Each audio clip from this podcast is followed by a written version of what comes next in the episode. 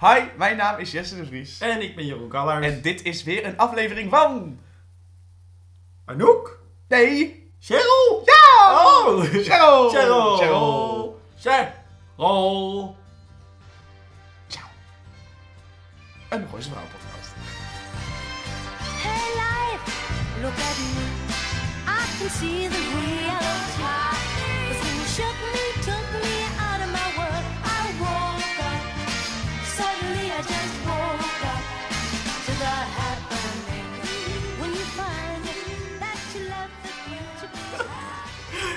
Cheryl de Gooise Vrouwen podcast bespreken Jeroen en ik elke week een aflevering van Gooise Vrouwen. Met een kritische blik die toch vermakelijk is, geestig, grappig en soms een beetje waanzinnig raar. Waanzinnig raar. Ja, Dat zijn twee woorden die je niet vaak achter elkaar hoort. en daarom zijn wij creatieve makers. Ja. Toch? Haha. Dat is de hele reden. Ah, tijd voor een nieuwe aflevering. Eh, tijd voor een nieuwe vriend. Oeh. Hm. Eh, aflevering 7 van seizoen 2 is aan de beurt. Ja. De ene laatste van seizoen 2.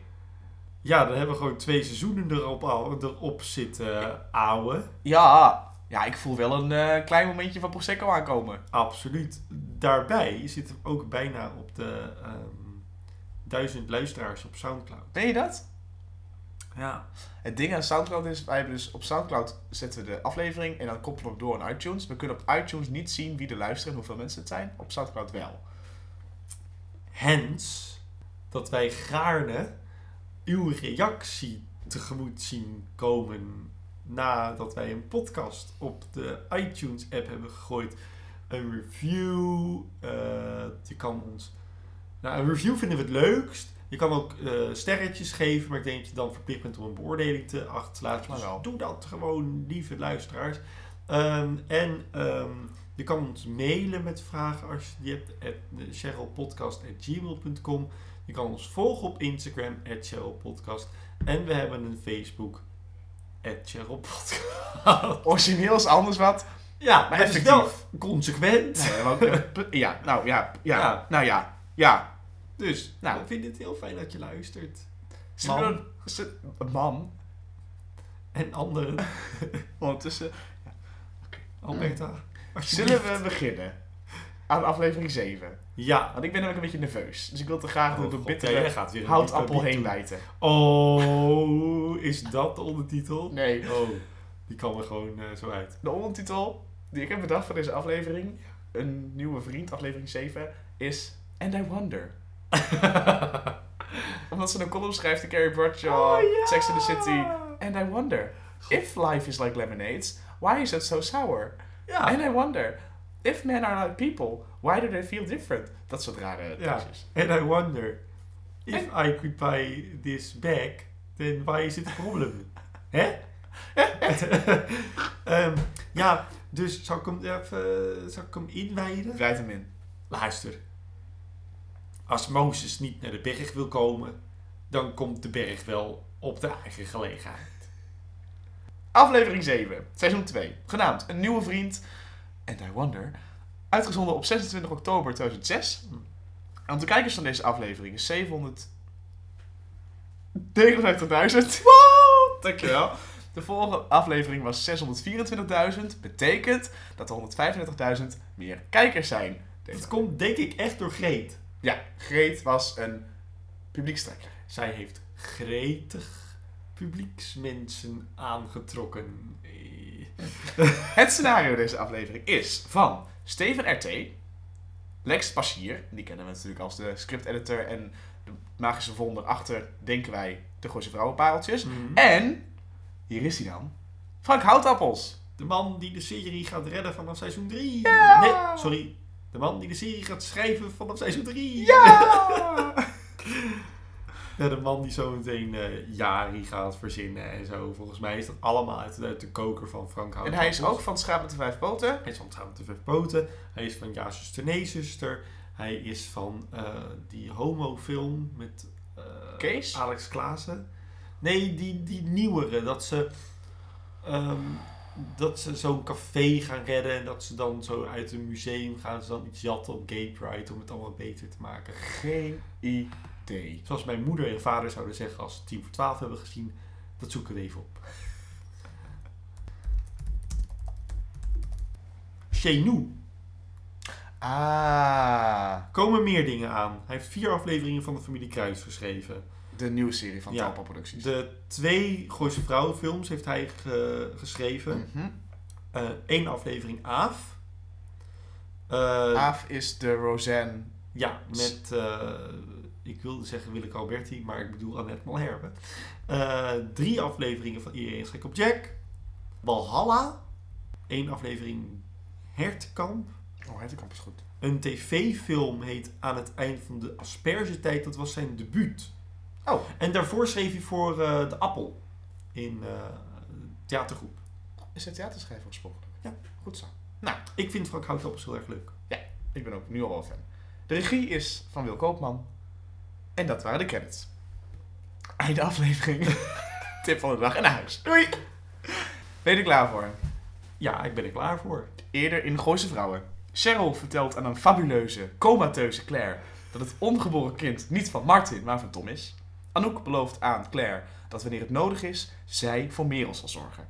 Diana heeft Evert verlaten, die ergens weer begint te denken aan zijn leventje met Willemijn. En Merel, die haar moeder het zwembad in heeft geslagen, komt vrij uit de jeugdgevangenis, slash inrichting, slash boarding school.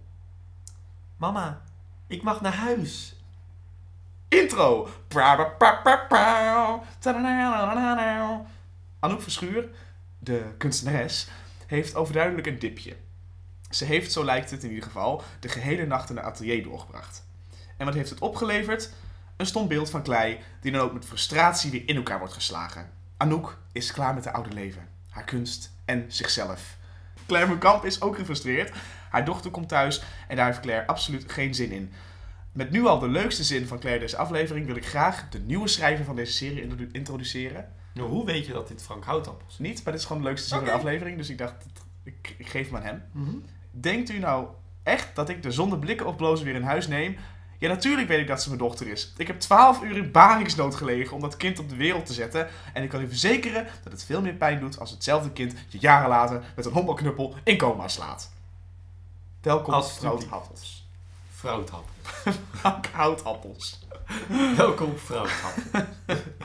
Anouk probeert ondertussen haar gezicht te redden van de chaos genaamd vermoeidheid en verdriet. En ondertussen zitten Willemijn en Cheryl in de tuin aan een heerlijk kopje thee met een verse punt appeltaart. Nee, kies. Ho, ho, ho, ho, ho. Is het een kies? Nee, het is appeltaart. Dit is 100... Nee, want het gaat slagroom overheen. Kut, je hebt gelijk. Yes. Ja, nee, ze gooien er geen slag overheen. Ze gooien er iets van... Slagroom. Nee, van dat, van dat, van dat vanillesaus of zo. Anyway, het is inderdaad een appeltaart. Excuse me. Cheryl heeft de glossy voor Willemijn meegenomen omdat dit blad Cheryl heeft gevraagd een gastcolumn te schrijven. Waarover? Nou, bijvoorbeeld over vrouwen die de zwangerschap gebruiken als excuus om alle kanten uit te dijen. Cheryl heeft een mening. En dan, in een katholiek schoolmeisjeskostuum met bijpassende steile haartjes en een frisse dot make-up, is daar de nieuwste grootste vriendin van het gezelschap. Anouk Verschuur in haute couture op de weg naar de pastuur. Heb ik er genoemd. Op, op weg naar wat? De pastuur. Pastoor daar in het, in het netjes. Zeg maar, Anouk Verschuur, dat rijmt op haute couture, wat ze Ja. aan heeft. En ze gaat naar de pastoor, maar dat rijmt dus op pastuur. Fijn dat je het even uitlegt. Anouk heeft tussen het wassen van haar vermoeide gezicht en het aansnijden van de appeltaart de fontein van de eeuwige jeugd gevonden. Maar wat ziet er de minderja- minderjarig uit? Toch? Echt 12. Maar ze ziet er ook heel sletterig uit. Ziet er extra sletterig uit. Met witte kousen, inclusief korte bandjes en een net lang genoeg rokje, laat Anouk de nieuwe look zien aan de vriendinnen. En die zijn beide erg in de war. Anouk zelf omschrijft deze look als 40, volwassen, rijp en ervaren. En daar komt Claire ook al aangelopen. De belichaming van 40, volwassen, rijp en ervaren. Nog voor ze gaat zitten, roept ze tegen haar vriendinnen dat Merel is vrijgelaten. Cheryl vertelt nog een briljant idee voor haar Carrie Bradshaw column, namelijk de vergelijking trekken tussen kerstmis en de geboorte, want een kindje baren is immers net een cadeautje uitpakken. Willemijn lacht haar uit en vertelt haar alle horrorverhalen van de geboorte en Anouk is maar wat blij om over haar totaalruptuur te beginnen en neemt het dan ook eventjes eh, goed van om te vertellen dat het gaatje van het gaatje uitscheuren er allemaal bij hoort. Claire bekritiseert de berg slagroom op Anouk haar taartje, maar die vindt het allemaal prima. Ze moeten hem maar nemen zoals ze is. En als er iemand is die dat moet begrijpen, is het Willemijn. Mm. Vanwege de onafhankelijkheid. Of is het vanwege de postuur? Hm. In de volgende De scène... postuur. Ja, natuurlijk is het. Anouk Verschuur in hout couture op weg naar een nieuw postuur. Oh. Netjes. Ik drink met thee erbij. Nou ja, ik heb het gestudeerd. Hè. Gestuurdeerd. Oké. En daar gaat het weer de verkeerde kant op. In de volgende scène vertrekt Claire en loopt even naar Anouk die in de auto zit. En Claire complimenteert Anouk en vertelt haar dat ze echt goed bezig is met zichzelf. Met zichzelf. Ze neemt immers eindelijk de verantwoordelijkheid voor haar eigen leven. En als Anouk zich iets voorneemt, dan doet ze het ook. En dat vindt Claire heel belangrijk. Heel belangrijk. Willemijn heeft een grootsteenprobleem en er is niemand die haar kan helpen. En de loodgieter heeft pas over twee weken plek. Willemijn, de hele leven is als een verstopte grootsteen. En de loodgieter heeft medelijden. Morgen gaat hij langskomen. Och, duizendmaal dank, loodgieter, duizendmaal dank. Daar is Merel, staat voor de deur van Claire en is dolblij om de moeder te zien. Maar moeder Lief heeft het er maar moeilijk mee.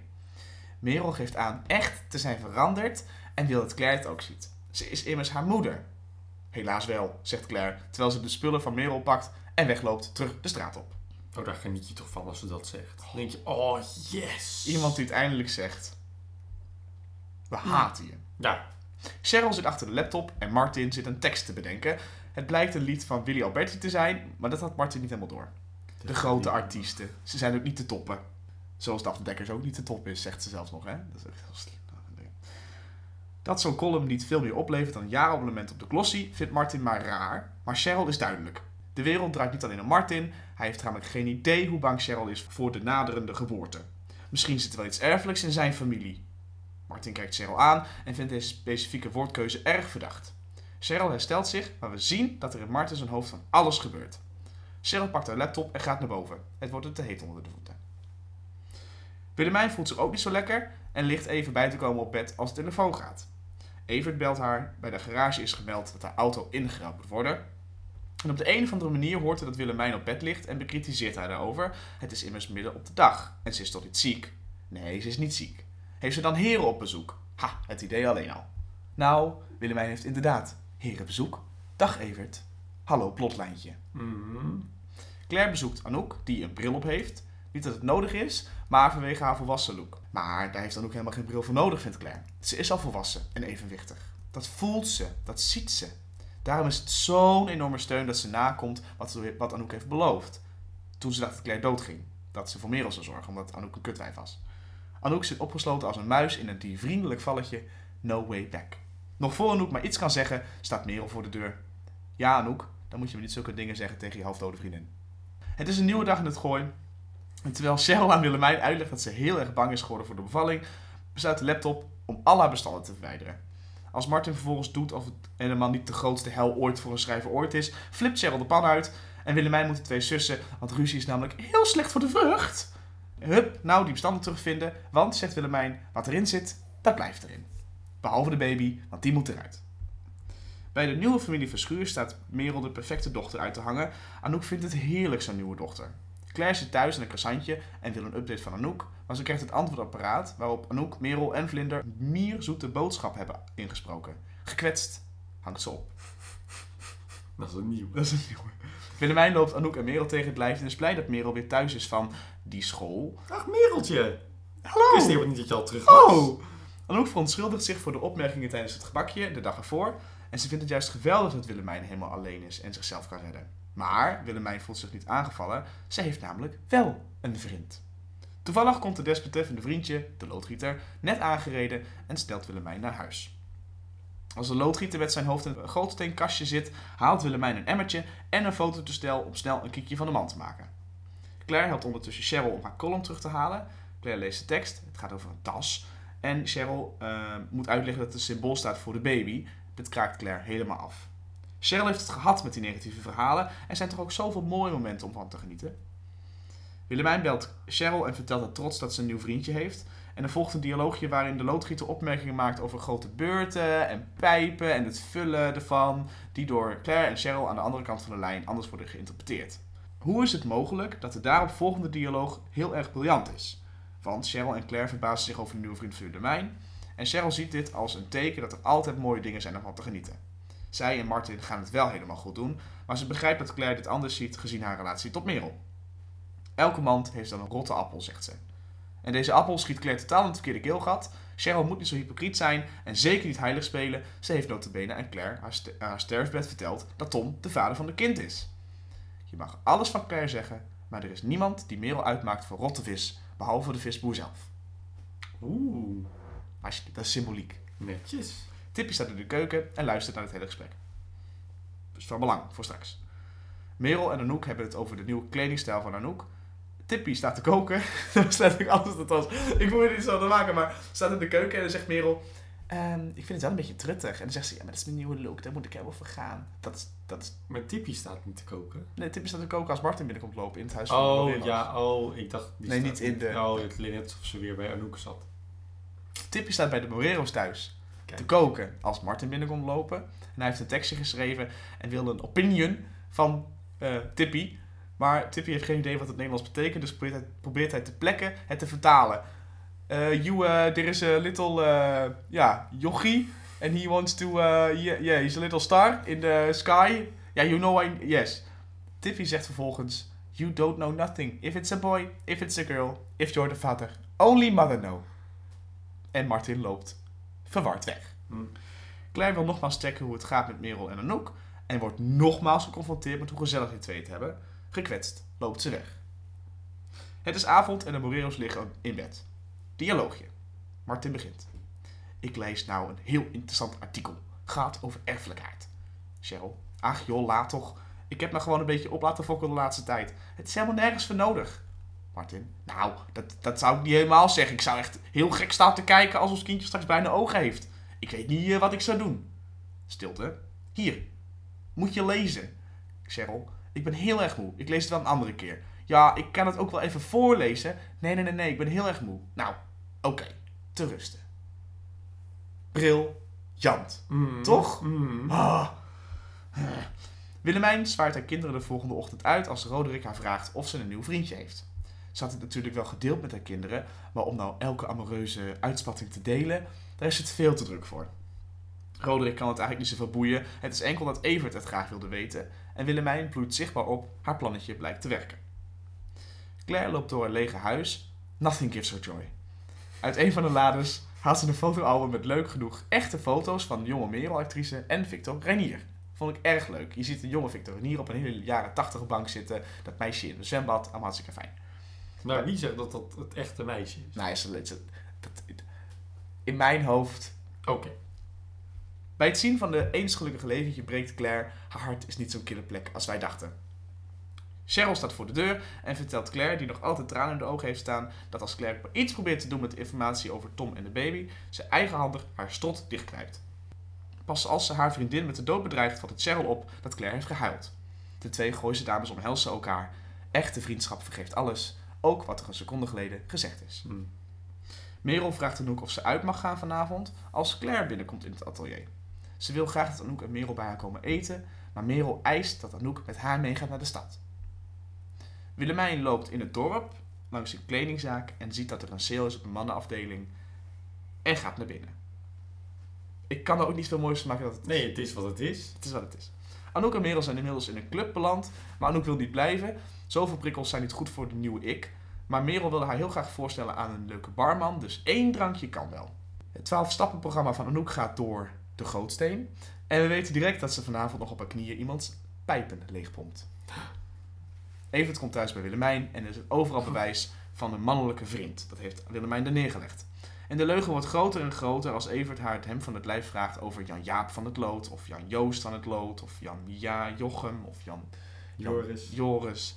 En Evert wil graag deze man ontmoeten. Hij heeft namelijk het recht om te weten wie het is. In de club staat Anouk inmiddels te tongen met de fantastisch leuke barman.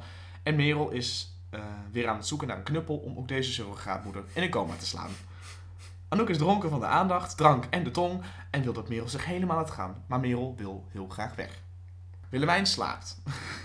met kleren van een, haar niet bestaande vriend. En Claire ligt ook in bed, simultaan, en kijkt naar een babyfoto van Merel. We komen weer terug bij Willemijn, die droomt seks te hebben met de loodgieter. En de beste man krijst als een varken en Willemijn schrikt wakker. Bij Claire wordt er aangebeld en zie daar, Merel staat voor de deur. Anouk heeft ondertussen de leuke barman in huis en doet een potje sexy sexy neukie neuk in de tuin. Sommige dingen veranderen niet. Willemijn is het bed gekomen en zit met een glas de laptop. Merel vraagt of ze bij haar moeder in bed mag komen liggen, net als vroeger als het onweerde. Martin ligt ook wakker in bed en zit er van alles dwars. En Cheryl is beneden bezig met haar column. Het is een witte pagina. Want wat moet ze schrijven over de wereld als alles waar ze aan denkt haar eigen leventje is? Merel ligt te slapen naast haar moeder en slaat een arm om Claire heen. En Claire haalt de arm van zich af en legt hem terug. Ze zijn van ver gekomen, maar er is nog een hele lange weg te gaan. Bootjes en vogels. Of liever een aanduiding van tijd door het gebruik van natuurbeelden. Cheryl vertelt aan Ed, Ed Rossi, dat ze doodbang is dat Martin erachter komt dat ze liegt. En ze stopt met het klote column en ze koopt een dure tas. YOLO. Ze is helemaal, ze denkt, weet je, laten we lekker gaan. Ja, We doen, we doen, fuck it.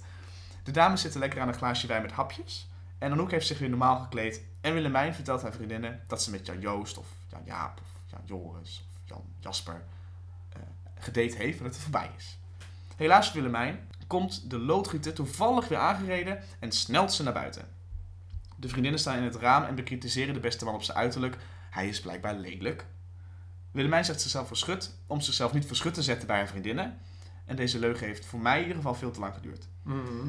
Eh, als Willemijn weer terugkomt, wil Cheryl vertellen dat haar column van de baan is, komt Willemijn met een nieuwe leugen. Ze heeft de vorige nacht een column geschreven voor Cheryl en toevallig heeft ze ook een kopietje. Cheryl weet niet wat er gebeurt.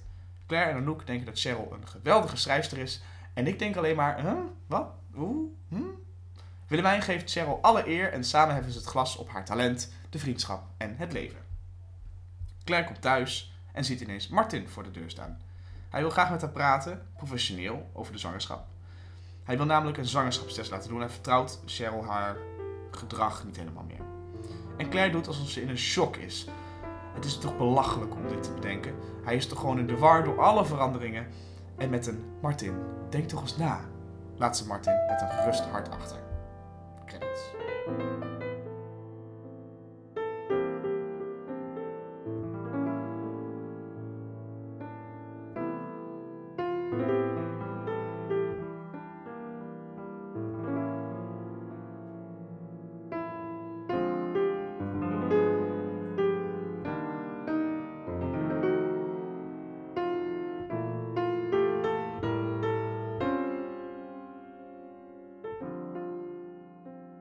Tijd voor wijn, tijd voor wijn, want het is bijna de laatste aflevering. Van dit seizoen. Ah. Het is lang geleden dat we hebben gedronken. is Vorige keer lang. ging het niet goed ook, dus moeten we... Nee. maar we hebben denk ik echt wel vijf biertjes gedronken tijdens... eh, Ja, was ik iets enthousiast denk ik. Toen jullie die aflevering ook echt drie uur ik, had je, ik heb je echt gemist ook toen.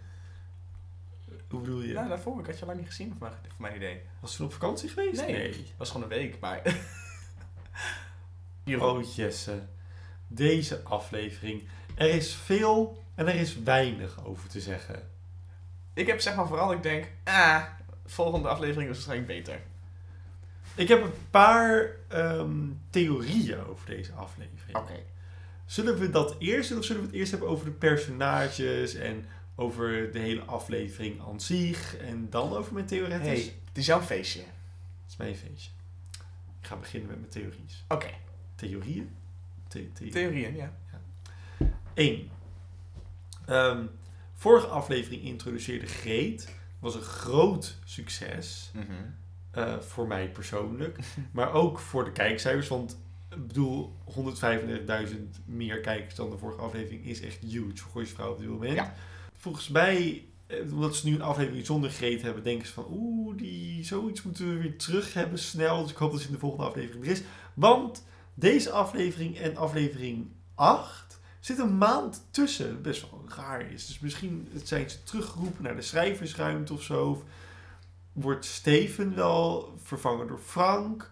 Nu helemaal. Want we, nee, we Ik weten denk niet dat het gewoon in één keer, het is toch gewoon in één keer opgenomen? Want zo Ja, dat is het- weet ik dus niet zo dat, goed. Dat is, dat is gewoon, dat, dat wordt allemaal gehuurd. Alles is gewoon, er is een... een maar, waarom zit er dan een maand tussen? Ja, ik denk gewoon dat talpa aan de programmering, misschien wel wel voetbalwedstrijden of zo tussendoor. Of ze hebben rewrites gedaan. Dat kan ik me niet voorstellen. Dat, daar geloof ik eigenlijk niet in, voor deze serie. Dit is, ik bedoel, die acteurs hebben een x aantal weken hebben ze vrij voor deze pro- project. De schrijvers hebben het allemaal gemaakt.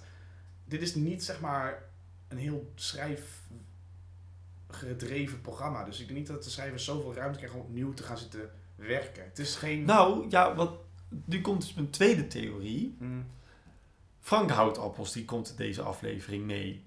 Eh, die heeft op dat moment al best wel veel op zijn naam staan.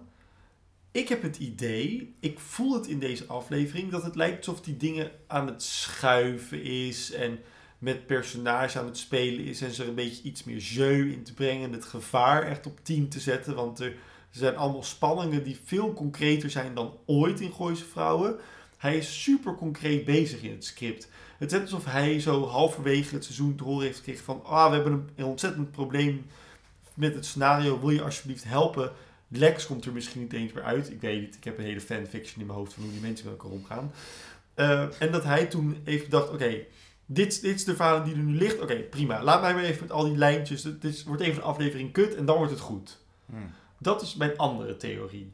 Dat ik denk, dit is de overgangsaflevering van Steven naar Frank. Die geloof, die wil ik wel geloven. Ik weet niet wie het volgende schrijft, maar... Nou, dat weet ik ook niet. Dus dat, we, houden, we houden het in de gaten. We Hmm. houden het sowieso altijd in de gaten wie de aflevering schrijft.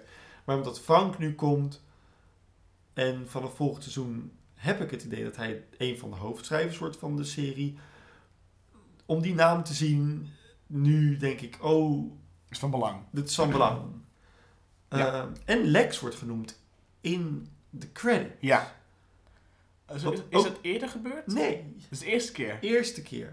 Heeft hij aanzienlijk meegeschreven. Nu heeft hij dus aanzienlijk meegeschreven. Ik vind dat je dat merkt. Ik vind dat, dat qua schrijven deze aflevering kwalitatief veel hoger ligt. Ja. Niet qua storyline, maar wel qua dialoog Ja, en qua klopt. tekst. Ja, er vallen veel meer tekstjes op. ja. Dat is zeker waar. Er zit meer subtekst in, er zit meer eh, effectieve taal in plaats van alleen maar onzin. De taal van de personages is best wel consequent ook. Ja, ik vind die hele Willemijn-lijn stom. Ik vind de hele Merel-lijn belachelijk. Maar ja, maar misschien is dat wel gewoon een beetje van, ja, je werkt moet. met waar je mee, met, Ja, maar precies. je hebt. ja, Dan nu de aflevering zelf. yes. Ik begin voor de leukigheid met het eiland dat wij noemen Anouk. Dit is een van de eerste dingen waarvan ik zeg: het scenario is aan het veranderen, want Anouk is geen eiland in deze aflevering.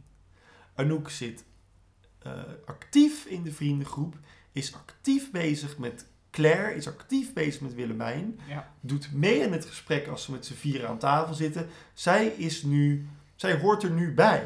En dat was ze daarvoor niet. Daarvoor had ze maar een zinnetje en rent ze weg omdat ze afspraken En heeft. dan heeft ze haar eigen lijntje. Ja, klopt. En nu heeft ze ook haar eigen lijntje. Maar nu heeft ze haar eigen lijntje met Merel en met Claire. En, dat- en ze, ze, ze beledigt Willemijn. En dat moet weer goed gemaakt worden. Ze is heel erg invested in de vrienden. Ja.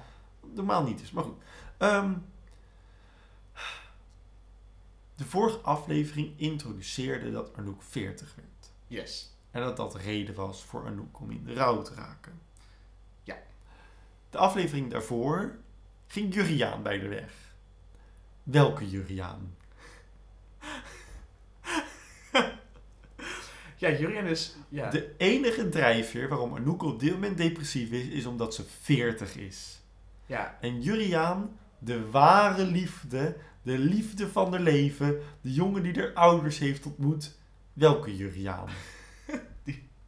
Ik heb het niet meer nodig. Nee! Maar is Juriaan, zeg maar, is het, ik heb ergens de hoop dat Anouk en ik hoop ook Suzanne Visser het verdriet en de pijn die ze voelt uitspreekt als ik ben 40, maar ondertussen zegt ik mis de liefde van mijn leven. Is dat, lees ik dat erin het er niet is?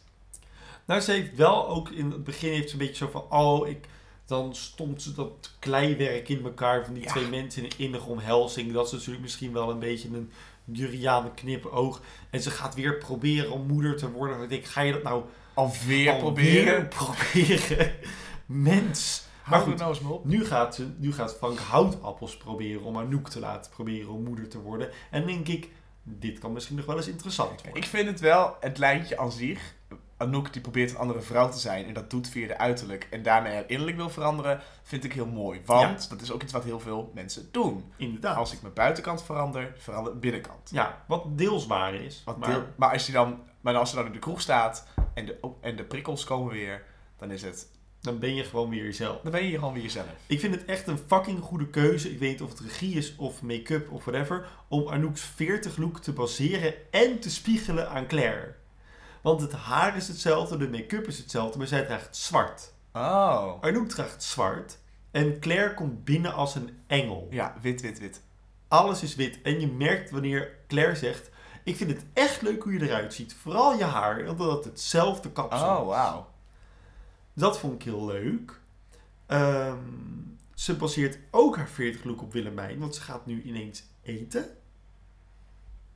Dat ze, ze pakt die stuk, dat stuk appeltaart en iedereen zegt, nou, nou, nou zou je dat wel doen. En dan is het, Wow, ah, lekker. Oh. Ja, ja, oh nee, jij, leeft toch ook zo? En, oh, oh. Ehm, vervolgens doet ze een bril op en I'm lost. Het is het moment waarop ik het niet begrijp. Want, oké, ik snap dat Anouk put uit wat ze kent. Dus ze put uit Claire, ze put uit Willemijn. Twee vrouwen die ze hoog heeft zitten. Mhm. En dan die bril. En dan zegt ook, ik heb hem niet nodig. Het is gewoon mijn look. Nee, nee, nee, nee, nee. En ik denk, nee, want je maakt die door het beeld van de 40-jarige weer sexy. Door de ne- schooljuf Nederlands uit te hangen. ja, Van, met je korte oh, rokje in je... maar dat is met een hè? Is Piemel met een D of een T? met een S. Met een P. Hè. Ehm, Anouk is de enige die meteen ziet dat Merel is veranderd.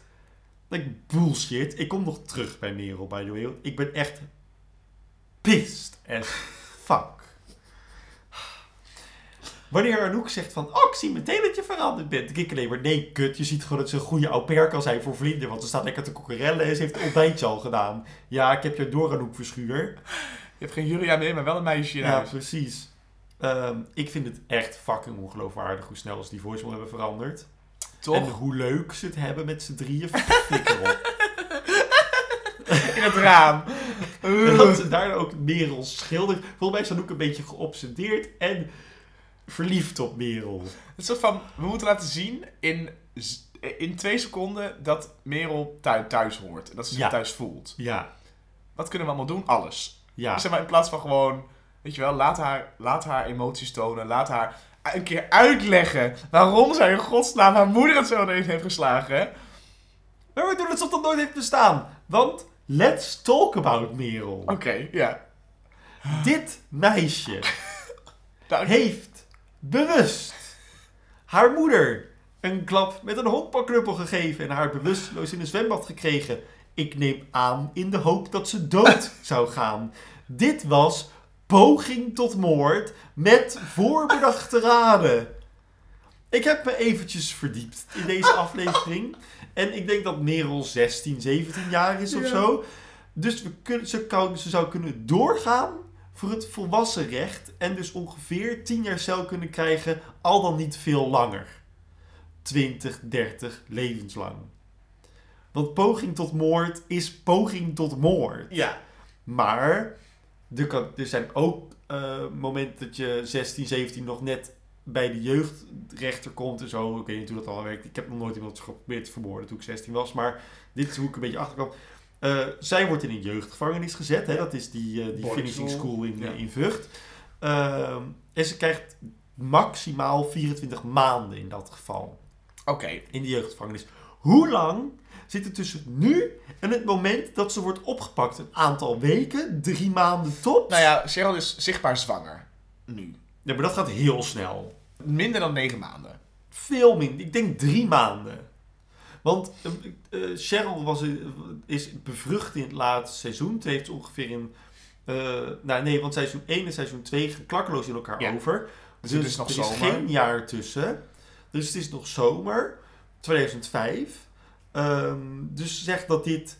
Dat ze eh, in... ehm, mei de moeder in, in zwembad heeft gekregen. En dat dit nu begin... eh, eind augustus is. Maar ik zag wel in het voorstukje van de laatste aflevering dat het kerst is. Ja, maar dat komt omdat er een, eh, een hele maand tussen de afleveringen in zit. Misschien omdat ze dus zo dicht mogelijk bij kerst wilden komen met de uitzendtijd. Dat kan ook. Dus eigenlijk, Merel had niet vrij kunnen komen. Mm. Hoe dan ook, Merel had niet vrij kunnen komen. Hoe is deze vrouw A weer op vrije voeten? En B, doet ze alsof ze nooit haar moeder heeft ge- geprobeerd te vermoorden. En doet de instelling ook nog eens een keer alsof, het, alsof ze bij de moeder terug mag komen. En waarom krijgt Claire er een rotgevoel over? Merel is degene die haar moeder heeft geprobeerd te vermoorden. En nu doet het alsof er niks aan de hand is. Heeft zij borderline? Is zij een gevaar voor de samenleving? Want ik zeg van wel. Ik zou echt zeggen, ho, als zij nu zo op deze manier terugkomt in mijn leven, I don't trust that bitch. Maar is het niet dat ze dat al had gevoeld in het begin? Want daar is ze vrij stellig over. En zodra ze ziet dat Anouk het leuk heeft, dat ze jaloers wordt en vanuit jaloezie handelt in plaats van vanuit liefde. Ja, ja, ja, maar dat neemt niet het, eh, Claire daar gelaten. Ik vind Claire goed eh, handelen deze hele aflevering. Maar het gaat mij om Merel. Ik vind Merel vanuit, vanaf moment 1 in deze aflevering compleet ongeloofwaardig. Komt ook, sorry dat ik het zeg, het acteerwerk van. eh, Maar je moet doen als... Oké, maar alsnog het scenario zegt... Je vindt het leuk om je moeder weer te ja, zien. ja, ja. Dat klopt niet met het verhaal. Maar ze is veranderd, Jeroen. Fuck op! Ze heeft dus heel hard aan zichzelf gewerkt en ze verwijt vervolgens haar moeder dat ze nooit op bezoek is geweest. Takketeef. Ja, oké, dat. Ja. En. Vervolgens, ik ben nog niet klaar, Jesse. Oké. Hierna mag je door. Ja. Vervolgens gaat ze zeggen tegen Anouk, die aardig is en haar het huis binnenlaat, dat ze een ingezakte kies is. En denkt dat ze wel even eerlijk kan zijn tegen haar. Different op mevrouw van Kampen. Waren de theelichtjes ook in de aflevering of niet? Hm? Waren de theelichtjes ook in deze aflevering? Nee. Komt zeker omdat Merels heeft weggegooid dat ze heeft gezegd, nou ik mag nu wel eerlijk zijn, die theelichtjes kunnen ook niet flop, flop, flop, flop. Oké, dus Merel is niet het meest consequente en geloofwaardige personage. Het is een van de grotere verhaallijnen. Ik vind het ondertussen belachelijk en zwak dat de serie nog steeds niet heeft gezegd waarom Merel Claire heeft proberen te vermoorden. en dit gaan ze ook nooit meer doen. Yo. Ze gaan nooit uitleggen waarom Merel Claire heeft geprobeerd te vermoorden. Het, je kan niet doen alsof de cliffhanger van je fucking eerste seizoen totaal niet relevant is voor de rest van je serie. Het heeft Claire tot aflevering 6 geduurd om de helemaal te revalideren. Zes weken. Nee, als ze vertelt dat het, vertelt hetzelfde is, dat weet je niet. Nee, maar revalideren duurt meestal zes weken. Oké. 6 à 8, 9 weken. Ja. Goed, ze heeft iets met de hersenen, misschien duurt dat veel langer. Zelfs als de cliffhanger gemaakt was omdat Chitske Reininga zei... ik weet niet of ik terugkom seizoen 2... Dan nog. dan nog heb je, er, heb je er de plicht aan om hem goed af te sluiten. Om Ja. een reden te geven waarom ze het heeft gedaan. En niet zeggen de volgende aflevering... oh, ik was een beetje boos op je mam, sorry. Maar kus je erop, waar, doet het pijn? Oh, en hoe kan Merel dan vervolgens vragen aan die moeder... of ze bij haar in bed op het eind van de aflevering... je hebt die vrouw geprobeerd te vermoorden, kut! Zeg maar, de wat, wat, wat ik denk dat er gebeurt. Oké, wacht. Mijn theorie over waar Merel haar moeder heeft neergeslagen. is de meest makkelijke theorie in de wereld. Namelijk, Merel voelt zich gekwetst. omdat ehm, Claire, Claire, eh, haar vriendje, eh, Amir... Amir.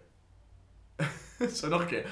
Ik denk dat eh Merel gekwetst was dat Claire Amir, het ex-vriendje, belachelijk maakte en niet respecteerde voor wie die was. En dat ze het daarom gedaan heeft. Dat is wat ik denk. En dat heeft de serie ook een soort van nog bevestigd te zeggen. Amir is met soortgelijke in Duitsland opgepakt vanwege tussen haakjes radicaal gedrag. Ja, Oftewel, Claire had gelijk en Merel niet. ja. Maar het was ook een suggestie dat de casinoman van Max, die in de tuin stond te kijken, een hompelknuppel haar neer heeft geslagen.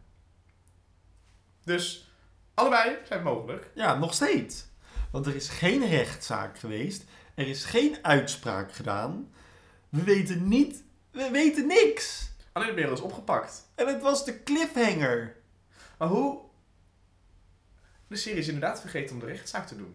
Want Merel is vanuit opgepakt naar inrichting gegaan. Goed, om heel eerlijk te zijn, Jesse. Als we een rechtszaak hadden gedaan, hadden wij drie afleveringen lang gezegd... Waarom bemoei je je met iets waar je totaal geen verstand van hebt? Want dat is hoe zij... Ja, dat, het hele rechterlijk systeem... Dan Ja. gaan ze een soort van Debussy als rechter inzetten. Dat kan natuurlijk allemaal niet. En wij kijken The Good Wife. Dan hadden En de- dan worden we alleen maar boos. tip van de dag. Kijk The Good Wife. Alsjeblieft. Dat was hem. Let's go. Claire. Claire. Want eh, hè, dan houden we het even in thema. Mhm, In het kamp van Claire. Laat ik eventjes voor opstellen. Mm. Als jij in coma ligt, je niks hebt gehoord. Dat weet je niet. is al een keer... Ik weet dat we, dat, dat we dit al een keer eerder hebben gedaan in Ja. de serie. En dat het gewoon waar is dat Claire alles heeft gehoord. Ja. We gaan erin mee. Claire gaat nu dus haar vriendinnen chanteren. Heel leuk gedaan. Claire is als enige de hele serie normaal over die hele lijn met Merel. Het is toch ook van de gekken. Ik zou mijn gevaarlijke dochter ook afgeven aan mijn emotioneel instabiele vriendin. Dat ze elkaar wat aandoen s'nachts. Claire denkt alleen maar... No joy. en waarom vraagt Anouk niet... Hè? Heb je dat gehoord in je coma? Want ik zou dat wel hebben gevraagd. Zo van, goh Jesse. Heb, Ja. je, heb je nog meer gehoord? Ja, maar... de- En was je, was je erbij? Ja, maar... Wat zij... Ze zegt dat zo en Anouk zegt... Oh, oh, oh, die is helemaal soort van het slachtoffertje aan het spelen. Terwijl ik denk, nee, kut, je moet gewoon vragen van... Heb je dat gehoord in je coma? Je dacht Hoe ik ook, ja. Hoe dan? Maar goed, oké. Ze gaat door met Cheryl een beetje chanteren. Nou ja, niet per se, dat vloepte er een beetje uit. Ja, dat was echt... Dat was ze echt wordt echt in de, in de hoek gedreven. nou ja, ze wordt gewoon een slechte moeder betiteld en dat wil ze niet horen, want het is Ja. haar schuld. Dat Ja. vindt zij dat Merel het heeft gedaan. gevaar is niet per se dat Claire weet wie de vader is. Het gevaar is dat Tippy Wan heeft gehoord wie de vader is. Als het gaat om Tippy moet weten dat Tom de vader is van het kind van Cheryl, is dit dan de beste optie? Vroeg ik me even af. Ik denk dat het beter kan. Het is nu, dit is de gemakkelijke optie. Dit is echt de gemakkelijke de optie. afluisteroptie. Ja, Dat die gebruiken we heel graag in Gooise Vrouw. Ja, met eh, Ernst Ja. en zo. Ja. Dit is de optie. Want Tippy zit de hele aflevering niet in. Totdat ze koffie komt brengen Totdat bij... ze nodig is. Totdat ze nodig is en koffie komt brengen en daarna hoort ze het. Kijk, dat ze het doet is prima en dat past in het type. Dat ze het gelijk bij Martin legt, vind ik niet helemaal goed. Want Tippy bewaart dingen, net als wat Claire heeft gedaan. Mhm. Die slaat dingen op, die schrijft dingen op en die gebruikt ze wanneer het nodig is. Ik heb niet het idee dat dit het moment was voor Tippy om dit echt te melden. Nee. Ik had me echt opgeschreven toen ze eenmaal opkwam.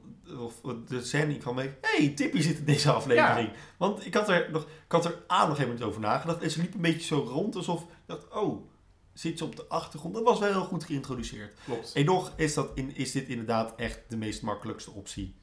Ik ben in de war door het beeld wat ze van Claire schetsen in deze aflevering. En ik wil hem je even voorleggen. Oké. Claire eh, heeft de eerste acte van de aflevering alleen maar wit aan.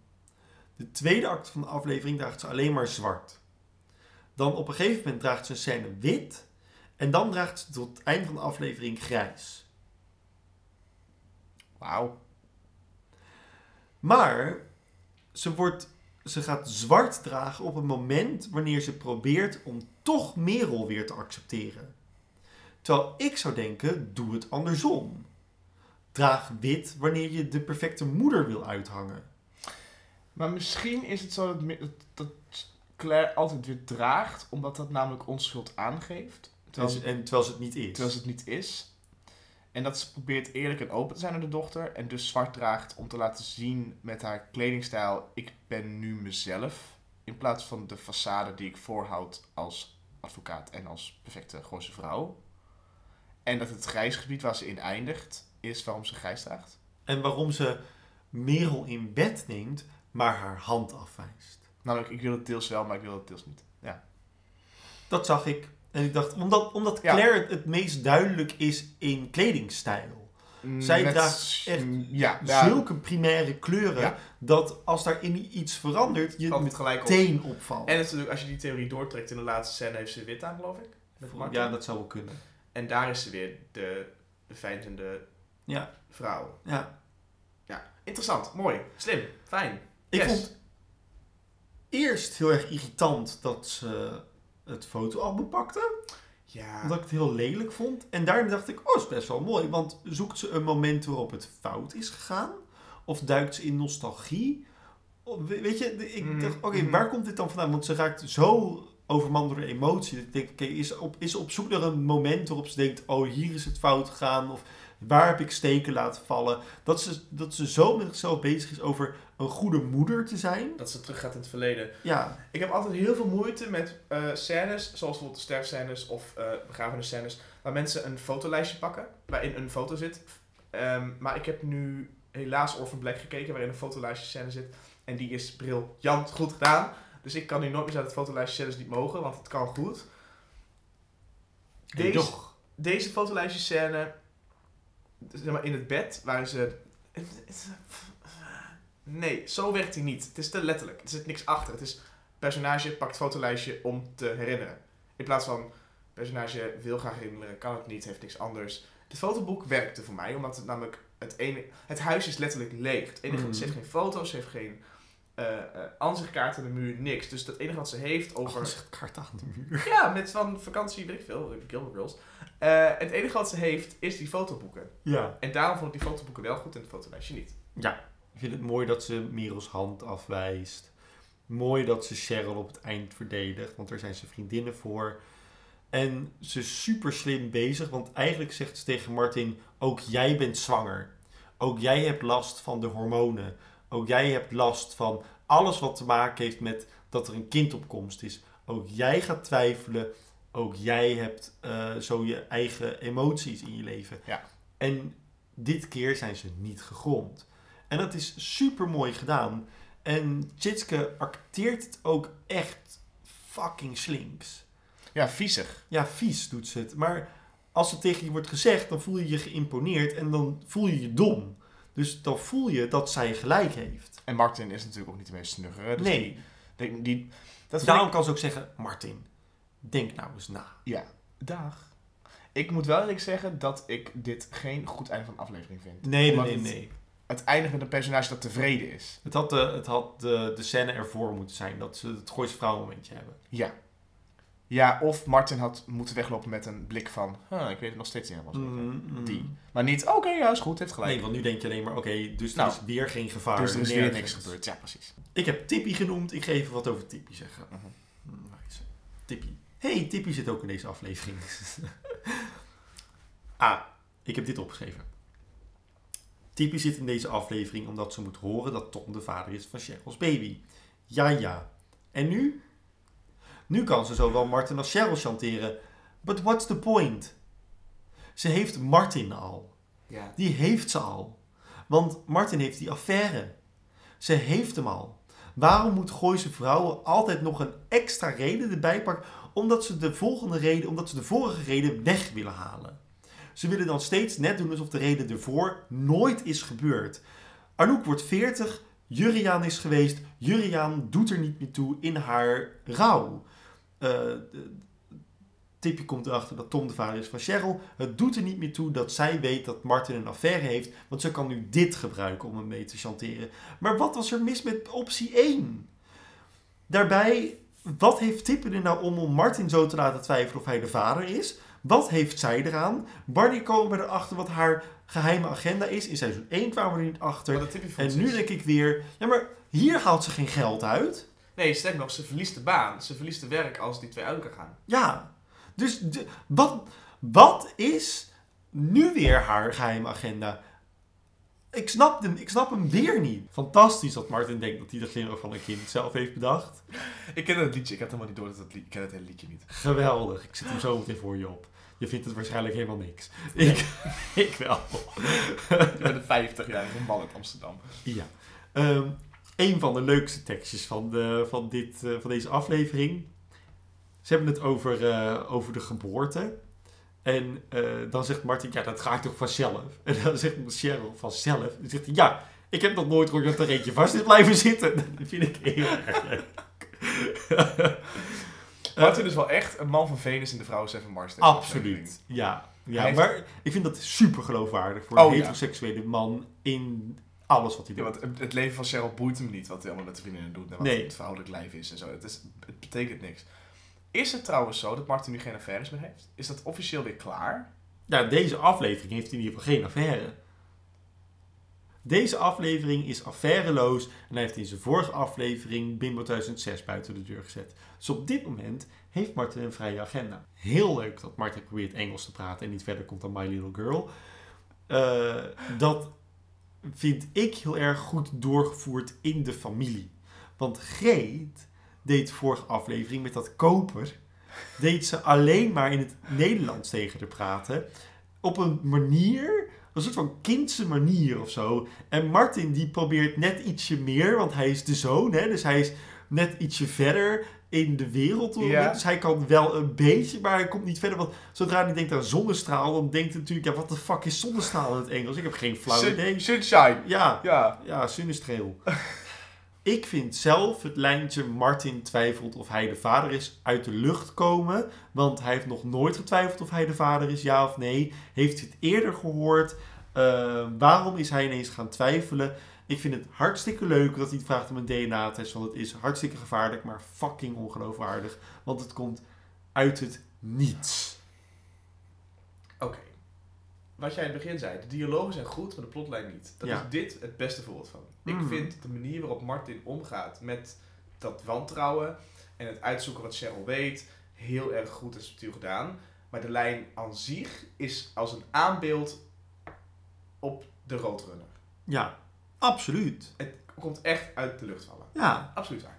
En daarom denk ik, deze aflevering is de serie aan het resetten. Zo van, we gaan even heel hard schudden Ja, en dan zo meteen gaan we verder. ja dat, de, ik, dat, dat hele gevoel zit in deze aflevering, vind ik. Ik denk dat deze aflevering de kans van Frank, Frank is geweest om te laten zien wat hij kan. En dat zodra seizoen 3 komt, hij denkt, en nu gaan we het echt radicaal doen. Want Of dat ze vanaf deze aflevering hebben gezegd, misschien gaan we door met Frank. ja, hij blijft wel heel veel leuke dingen zien. Hij Ja. heeft zijn best gedaan, dit het leuk. Door als wij mee mogen schrijven aan een project, gaan we ook heel veel dingen proberen om het... Ja, tuurlijk. Maar we hoeven niet te proberen natuurlijk.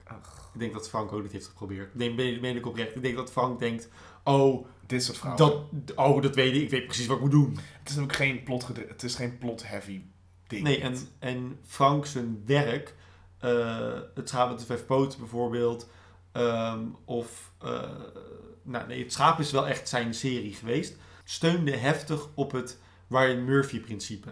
Zelf acteurs, Zelf-. Zelfde acteurs, nee ja, het heeft dan verschillende tijdspunten in, in de geschiedenis, maar steeds een beetje dezelfde lijn, een beetje gereset, een beetje teruggenomen steeds, een beetje... eh, het, het gaat vooral om de dialoog. Ja. Frank is supergoed in dialoog. Ehm, en hij is heel grappig. Maar een plotlijn bedenken is ook heel moeilijk. En, omdat, Zeker voor zo'n serie en voor dit. een serie maakt het alleen maar moeilijker. En al helemaal voor Gooise Vrouw wat van alles probeert te zijn tegelijkertijd. Ja, ja. Goed, dat is Martin. Eh, nou, dat is logisch om nu te gaan naar eh, Cheryl. Cheryl. Cheryl! Nog zo'n plotpunt. Cheryl heeft een paar afleveringen geleden gezegd dat ze een keizersnee wil. Bij Dr. Rossi. Dat klopt, ja. Zij gaat no way, José, dat kind zelf De uit, uitbaren. de uitbaren. Dat doet zij niet. Want een keizer, ze moeten niet aan denken. En deze hele aflevering gaat over Cheryl's angst om te baren. Waar komt hij vandaan, bedoel je? Waar komt die angst vandaan als ze al zo determined is? Ja, misschien is het wel een soort van, van oh, als ik niet op tijd ben, dan moet het wel. Is het niet dat... dat ja, nee. Ja. Misschien is dat het. En dat ze op het begin het dan nog een beetje zo probeert in te pakken van, nou, het is toch een soort van kerstmis, het is een cadeautje. En dat dan die, de, de, de, de dingen die worden gezegd over bevallen is zo taboe doorbrekend voor zo'n serie, voor zulke dames, om te zeggen dat ze helemaal onder de poep za- zaten en een totaal ruptuur hebben gehad. En 19 uur duurde het. En het was één grote ellende en een hel en bla. Vond ik heel mooi. Ze zeggen alles wat kan gebeuren. En ze willen er niet per se bang maken, maar ze willen er voorbereiden op de realiteit. Ja. Jesse, Jeroen. Cheryl Morero. Ja. Op een schaal van 1 tot 10. Van hoeveel hield jij van haar deze aflevering? Ik zeg dit vanwege iets specifieks.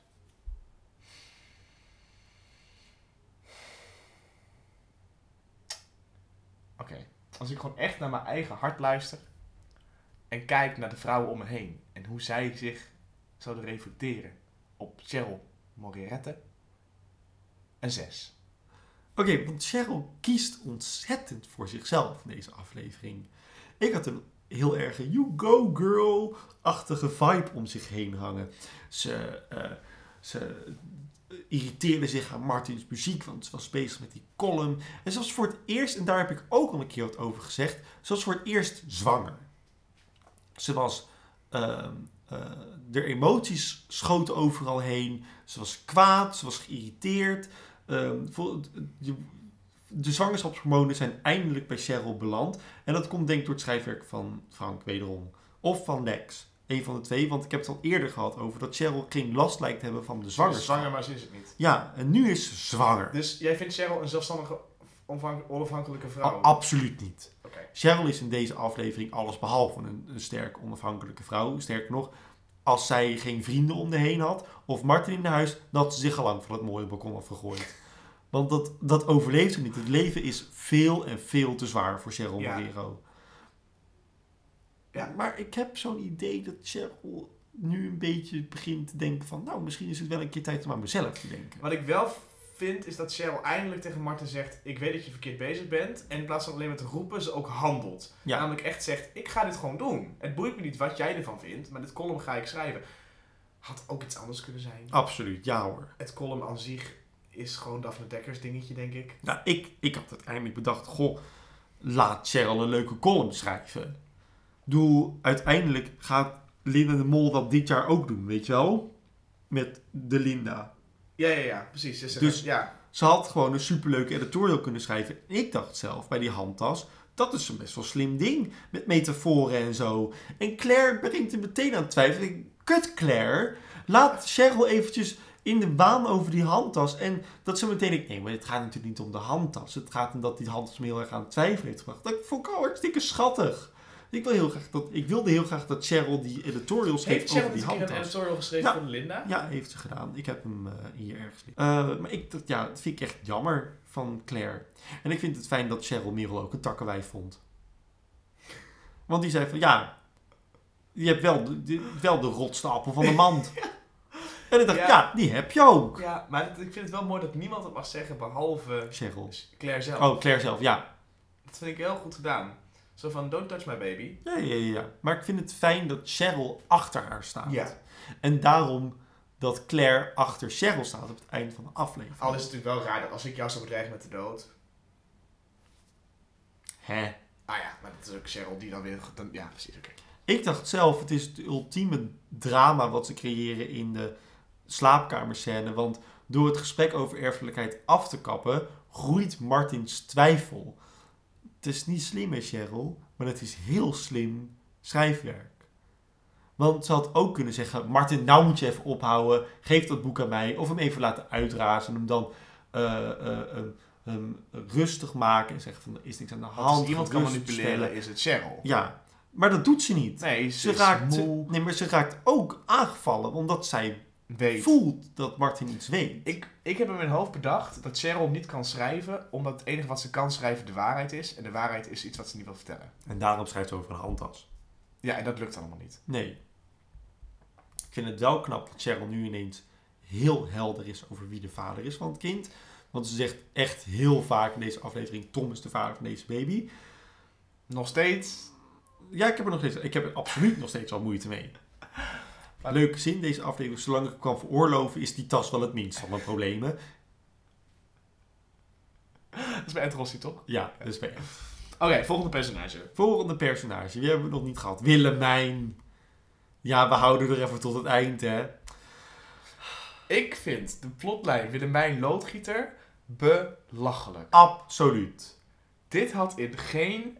Dit had, dit had in een comedy, in een sitcom had dit gelukt. Kunnen zijn. Ja, Ah, ja.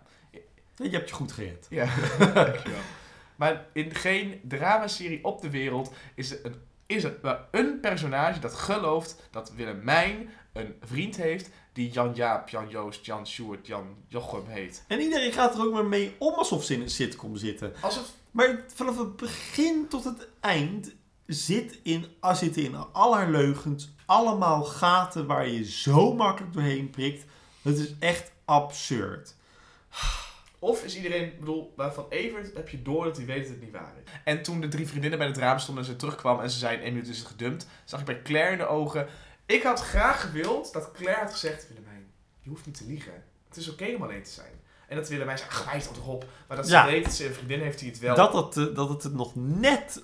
Dat had het net gered. Ja, en het is dan nog erger dat ze de aflevering afsluiten met een nieuwe plotlijn waarin Willemijn besloten heeft, omdat ze wist dat Cheryl de column niet kon schrijven, hoe had ze dat geweten, dat ze een nieuwe leugen bedenkt en weer een column heeft gemaakt. Wat ik wel leuk vind, is dat ze de appeltaart ze noemt. maar ze is nog warm! Heerlijk. Geweldig. Vind ik heel erg leuk. En dat ze een kerstje steelt als ze de Ja. mossel Ik neem voor een kerstje mee hoor. maar ik vind haar eng, deze aflevering. Ja, Ik vind haar het gevaar van Merel hebben. Ze is pathologisch aan het liegen. Ehm, ze wordt daar ook zelf enthousiast van. Ze gaat er ook zelf helemaal in mee. En de, het klopt van geen kant wat ze aan het doen is. Ik vind haar eng in deze aflevering. Ehm, de scène dat, dat de, de aflevering begint, of de leugens beginnen nadat ze die loodgieter aan de telefoon heeft gehad. Hè, want dan kan ze zo heel makkelijk al die, eh, al die losse lijntjes aan elkaar verbinden. Van, oh, dit wordt dan mijn vriend, want die komt zo meteen langs. En Als Evert heeft gebeld. ja, als Evert haar Ja. eenmaal heeft gebeld. Uh, en ze heeft last van een verstopping. Wat zo subtekstvol is dat ik het jammer vind dat ze het uitlegt. Want ze zegt, mijn hele leven is een verstopte grootste. En dan denk ik, ja schat, dat heb je net gezegd. Want je hebt last van een verstopping. Had hem, had hem dagen later. Ja, precies. Uh, wat deed ze in bed? Ja, ze had hoofdpijn of zo, want ze had een washandje op haar hoofd. Ze lag in de bed en te liggen. En Evert zei, de massagestand staat aan, dus waarschijnlijk is het ook een de- voor de rug. Want ik bedoel, ze heeft natuurlijk best wel grote boezem, dus misschien heeft ze last van de rug. En heeft ze die stoel, die bed, dat bed daarvoor. Ik Of ze had even een beetje me-time bedoel, masturbatietijd. gehad van tevoren. Masturbatietijd. Ja. Maar ik heb geen washandje op mijn hoofd als ik heb gemasturbeerd. Nee, ja, maar misschien Willemijn wel. Om even bij te komen. Oh ja. Ehm, laten we het even hebben over wat wel goed is aan de leugen. Namelijk ehm, dat ze het gebruikt om Evert jaloers te maken. Ehm, en dan om haar vriendinnen te laten zien dat ze haar leven back on track heeft. En daarna loopt eigenlijk alles in het honderd. Dat is, Ja. dat is de simpele verhaallijn zoals die stond op papier. En hij is gewoon verkeerd Ja. in En, en er is te veel toeval om... Ja, Het is inderdaad wel zo dat Willemijn besluit om even jaloers te maken. Vind ik heel mooi. Ja. Omdat er weer een beetje hoop in de relatie zit. En dat nu weer... Maar het was ook prima geweest als ze had gezegd... Nou, ik heb toevallig wel een nieuwe vriend. Oh, komt er nou net aan. Dag, Evert. Dat was hartstikke grappig bedacht. En dat ze dan op het eind van de aflevering had gezegd... Joh, Evert, ik heb helemaal geen nieuwe vriend. Ik ben Kom een wrak. hier. Kom hier, kom in mijn boezem. En, en gaan we... Ja. Ja, Ehm, wat vinden we van de opmerking die Anouk maakt tegen Willemijn over de taart? Wat niet over de taart gaat, maar wel over de taart gaat. het gaat over haar omvang. Ja, want zij, want zij zegt, ik vind het, Anouk zegt als Claire een commentaar levert op de slagroom op haar appeltaart. Ik kies mijn eigen leven, iedereen moet benemen hoe ik ben. Hé Willemijn, dat snap jij toch wel? Met je onafhankelijkheid. Ik vond hem te bitchy. Waarschijnlijk is hij niet zo bedoeld. Nou ja, ik vond hem bitchy op, op de manier waarop hij overkwam op tv. Want iedereen reageert er ook best wel heftig op. En ze probeert het er een beetje zo uit te lullen. En ze zegt daarna sorry.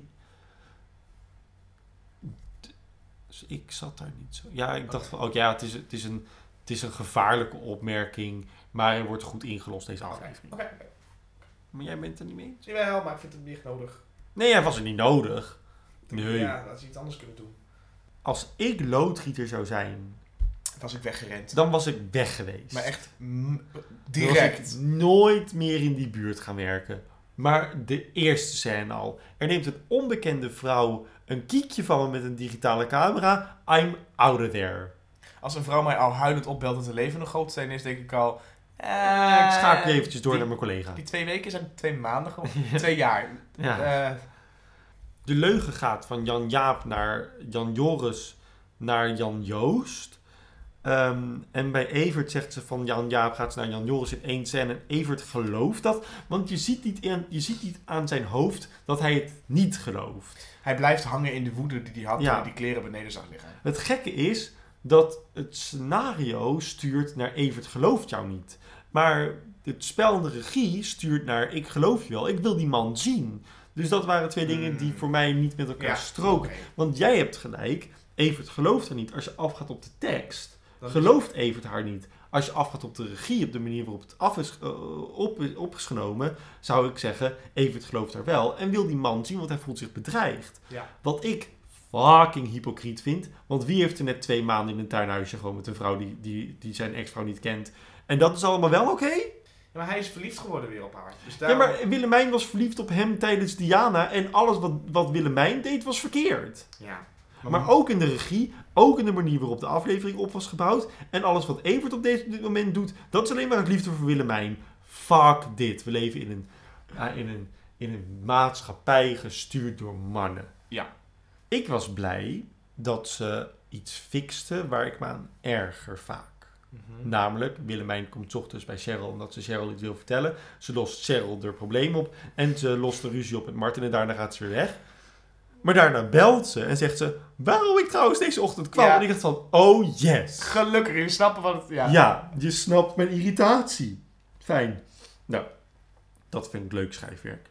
Ehm, en Willemijn en de Cheryl column die ze jat, in principe. Want niks in Cheryl... Ja, nee, Willemijn ziet... Cheryl heeft het er moeilijk mee. Maar Cheryl had, had voordat ze het bestand kwijtraakte al heel wat geschreven, zei ze.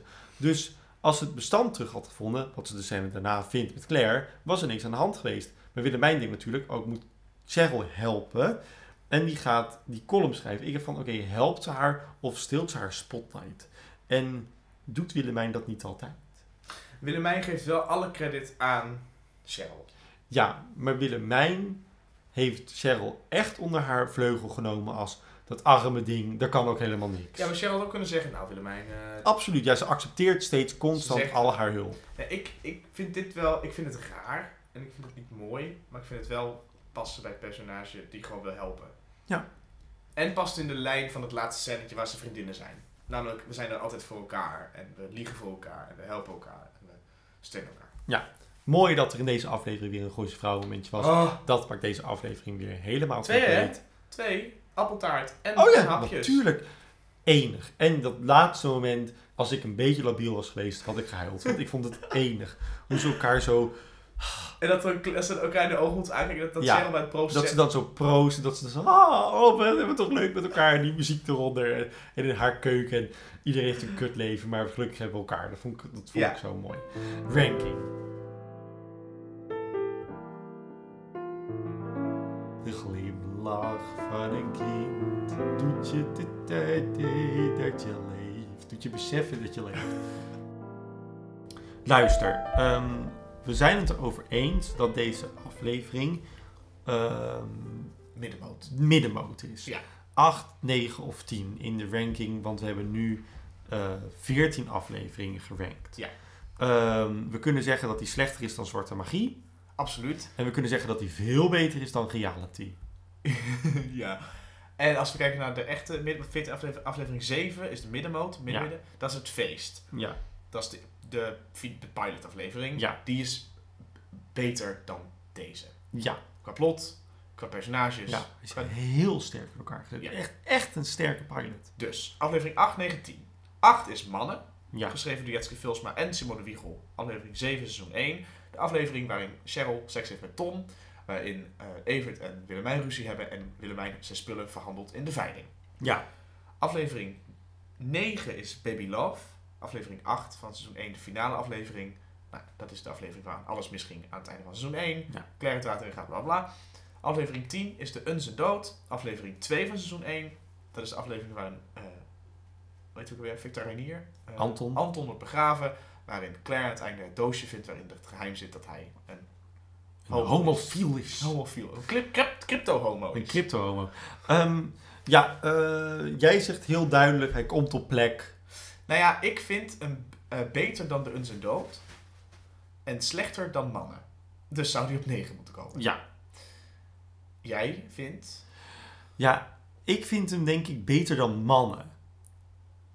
Toch wel. Oké. Ehm, waarom zeg ik dit?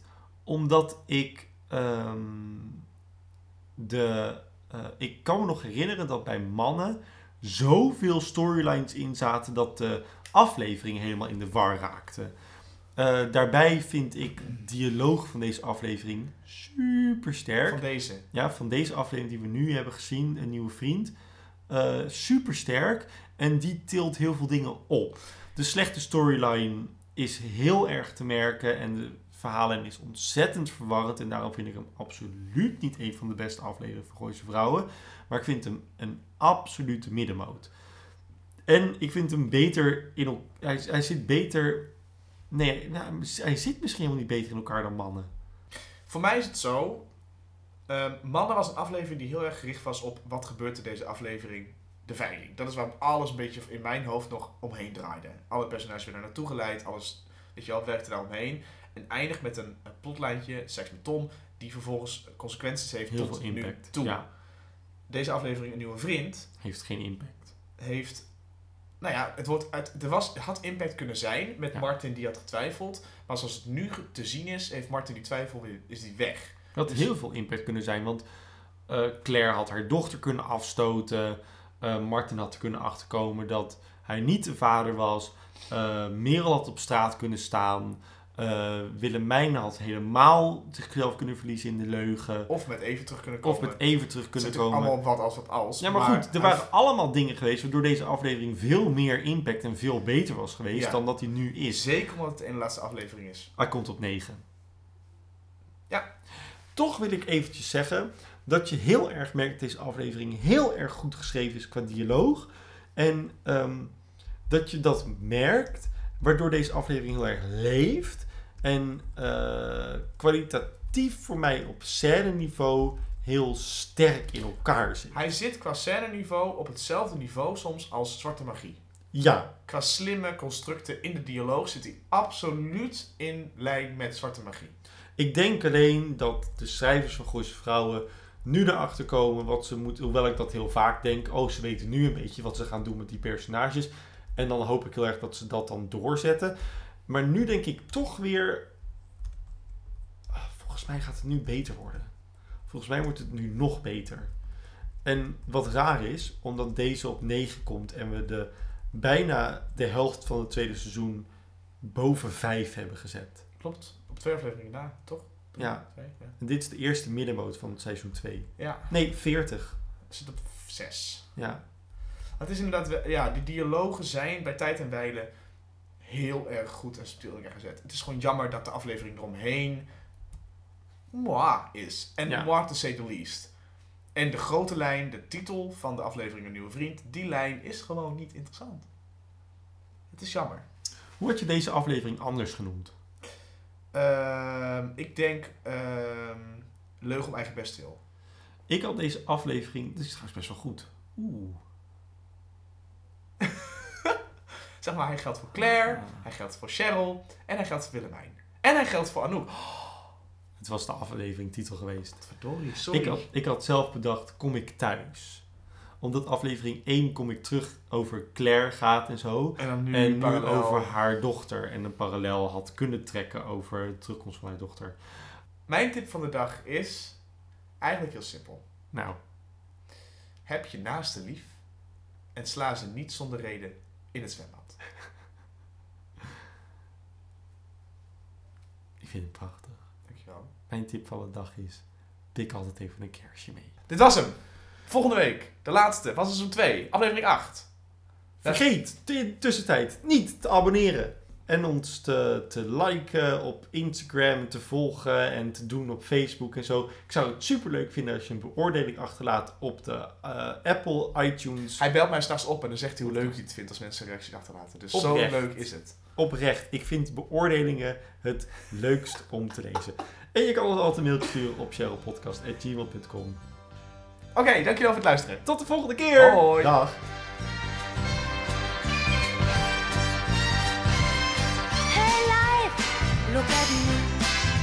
Can see the real